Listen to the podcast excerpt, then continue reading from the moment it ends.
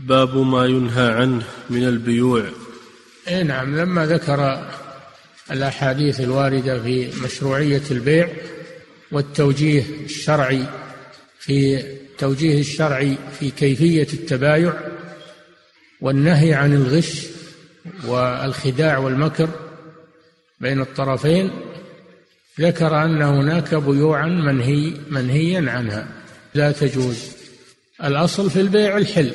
هذا هو الأصل في البيع وأحل الله البيع. ولا يحرم إلا ما دل الدليل على تحريمه. فالبيوع الصحيحة ليس لها حصر أما البيوع المنهي عنها فهي محصورة. البيوع المنهي عنها محصورة. أما البيوع الصحيحة فلا حصر لها لأن الأصل في المعاملات الحل. نعم. الله عليك. باب ما ينهى عنه من البيوع. عن أبي سعيد الخدري رضي الله عنه. أن النبي صلى الله عليه وسلم نهى عن المنابذة وهي طرح الرجل ثوبه بالبيع إلى الرجل قبل أن يقلبه أو ينظر إليه ونهى عن الملامسة والملامسة لمس الرجل الثوب لا ينظر إليه. نهى رسول الله صلى الله عليه وسلم في هذا الحديث عن نوعين من البيع بيع المنابذة وبيع الملامسة وفسرهما في الحديث. فسرهما الراوي في الحديث. فالمنابذة أنه يأخذ الثوب البايع يأخذ الثوب ما ي...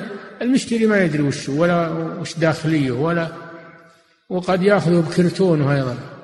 كرتون يأخذه ويطرحه على المشتري يقول حظك نصيبك. سأله سليم أو ما هو بسليم أو أو من القماش الجيد هو مغلف ولا يدري ويطرح عليه ويقول هو عليك بكذا والمشتري لم يقلبه ولم يتفحصه. ويرضون بهذا.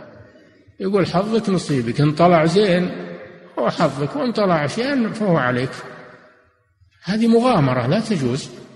لا بد أن المشتري يتفحص السلعة ويعرفها قبل يعقد البيع.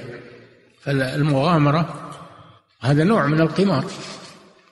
هذا القمار يكون في البيع وهو المغالبات المغالبات التي يؤخذ بها المال. هذا لا يجوز هذه المنابذة. ينبذ عليه الثوب يقول عليك بمئة ريال. وهو ما المشتري ما يدري ولا ولا قلبه ولا نظر فيه. ويقول حظك نصيبك.